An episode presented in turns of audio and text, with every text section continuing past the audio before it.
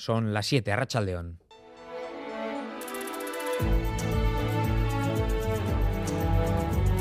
En Radio Euskadi, Gambara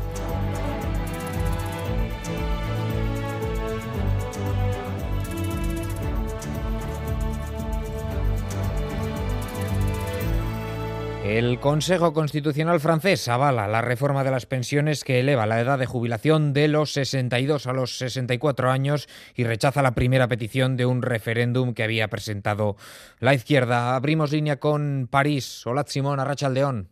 A Rachaldeón, la cita era a las seis en el ayuntamiento y la pitada, al conocerse la decisión del Consejo Constitucional, ha sido tremenda. Enfado entre los manifestantes al constatar que el Consejo avala que la edad de jubilación pase de los 62 a los 64 años y que no ve problema en que el Gobierno haya aprobado la reforma camuflando su tramitación bajo el paraguas de la Ley para la Financiación de la Seguridad Social. El Consejo tumba también la primera propuesta de referéndum presentada por los grupos de izquierda y fija para el 3 de mayo la decisión sobre la segunda propuesta. Está mejor argumentada por sus impulsores.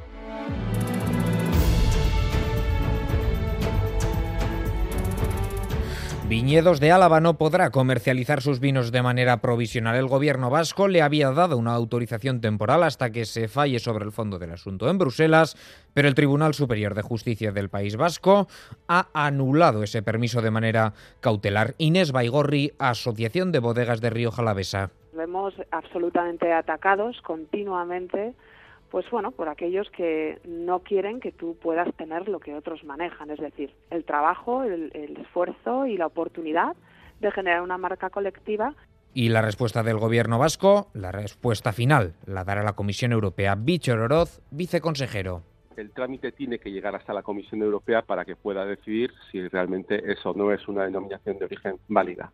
Entendemos que es totalmente legítima la, petición que hacen esas bodegas. Eh, nuestros servicios técnicos y jurídicos han entendido que es legal, creemos en su validez.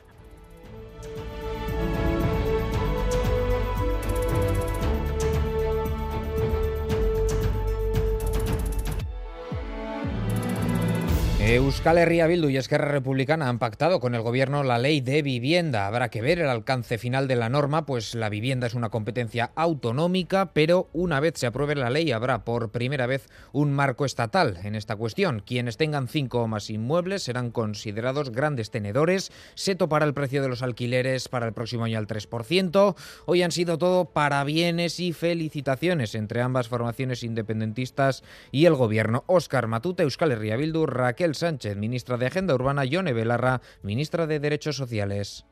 Una vez más, somos las fuerzas soberanistas de izquierda quienes posibilitamos un avance social tan importante. Hemos negociado y actuado con responsabilidad y gracias a ello hoy podemos señalar que hemos alcanzado este acuerdo. Hoy gana la política, la política del diálogo, la política del consenso. Gana la ciudadanía, pierden los fondos buitre, pierde la banca y pierden los especuladores. Y en relación a las webs de memoria elaboradas por Aranzadi, el anuncio del delegado del gobierno en Euskadi, Denis Ichaso. Todo esto constituye una evidente eh, vulneración de la ley de víctimas del terrorismo. ¿no? Y lo que hacemos es requerirles para su, para su retirada, darles un plazo de un mes y tratar de evitar que, tengamos que ir a los tribunales. Requerimiento a los ayuntamientos de Galdacao, Orio, Oyarzun, Hernán y Villabona y Azpeitia para que eviten la equiparación entre víctimas y victimarios y retiren de sus páginas web de memoria los nombres de miembros de ETA. Y los titulares del deporte con muchos puntos de atención este viernes. Asier Carea, Garrachaldeón. León hoy se abre la jornada de fútbol en primera y segunda división con dos duelos atractivos en la máxima categoría. Osasuna visita al Rayo con la intención de sellar cuanto antes la salvación, mientras que en la categoría de plata el Ibar quiere seguir en lo más alto a costa de un aspirante al playoff como el Albacete en el Carlos Belmonte. En pelota esta noche en Eguria de Azcoiti arranca la liguilla de cuartos del Mano Manista con el partido entre Darío Gómez y Pello Echeverría. En golf se está disputando el Heritage y a punto de concluir la segunda jornada John Ram se encuentra a seis golpes del líder Jimmy Walker. En la Liga Sobal de Balomano a las 8 se juega la Naitasuna Vega y a las 9 y media el Sinfín Vidasoa Irún. Y en la Euroliga de baloncesto Vasconia depende del Bayern de Múnich Zalgiris para entrar en el top 8. Los vitorianos necesitan el triunfo alemán a partir de las 8 y media de la tarde. del más humilde al principal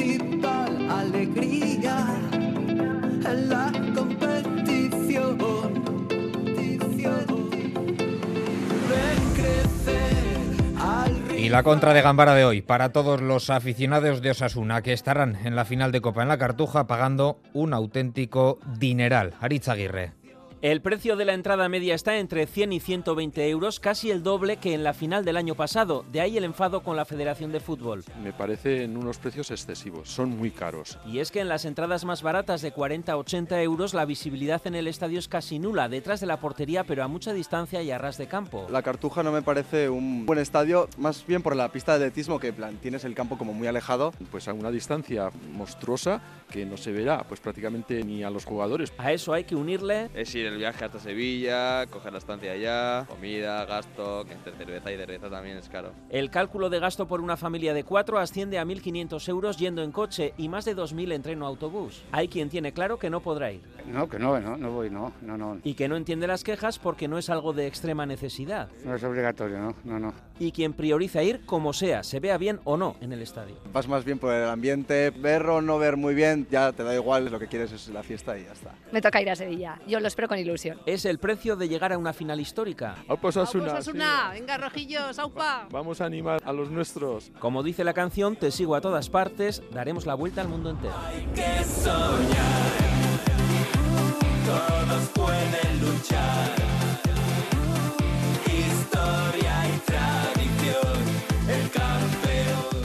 Y por si los precios fueran poco, tendrán que escuchar esta canción en directo. Con Miguel Ortiz y Alberto Zubeldia en la dirección técnica, comenzamos.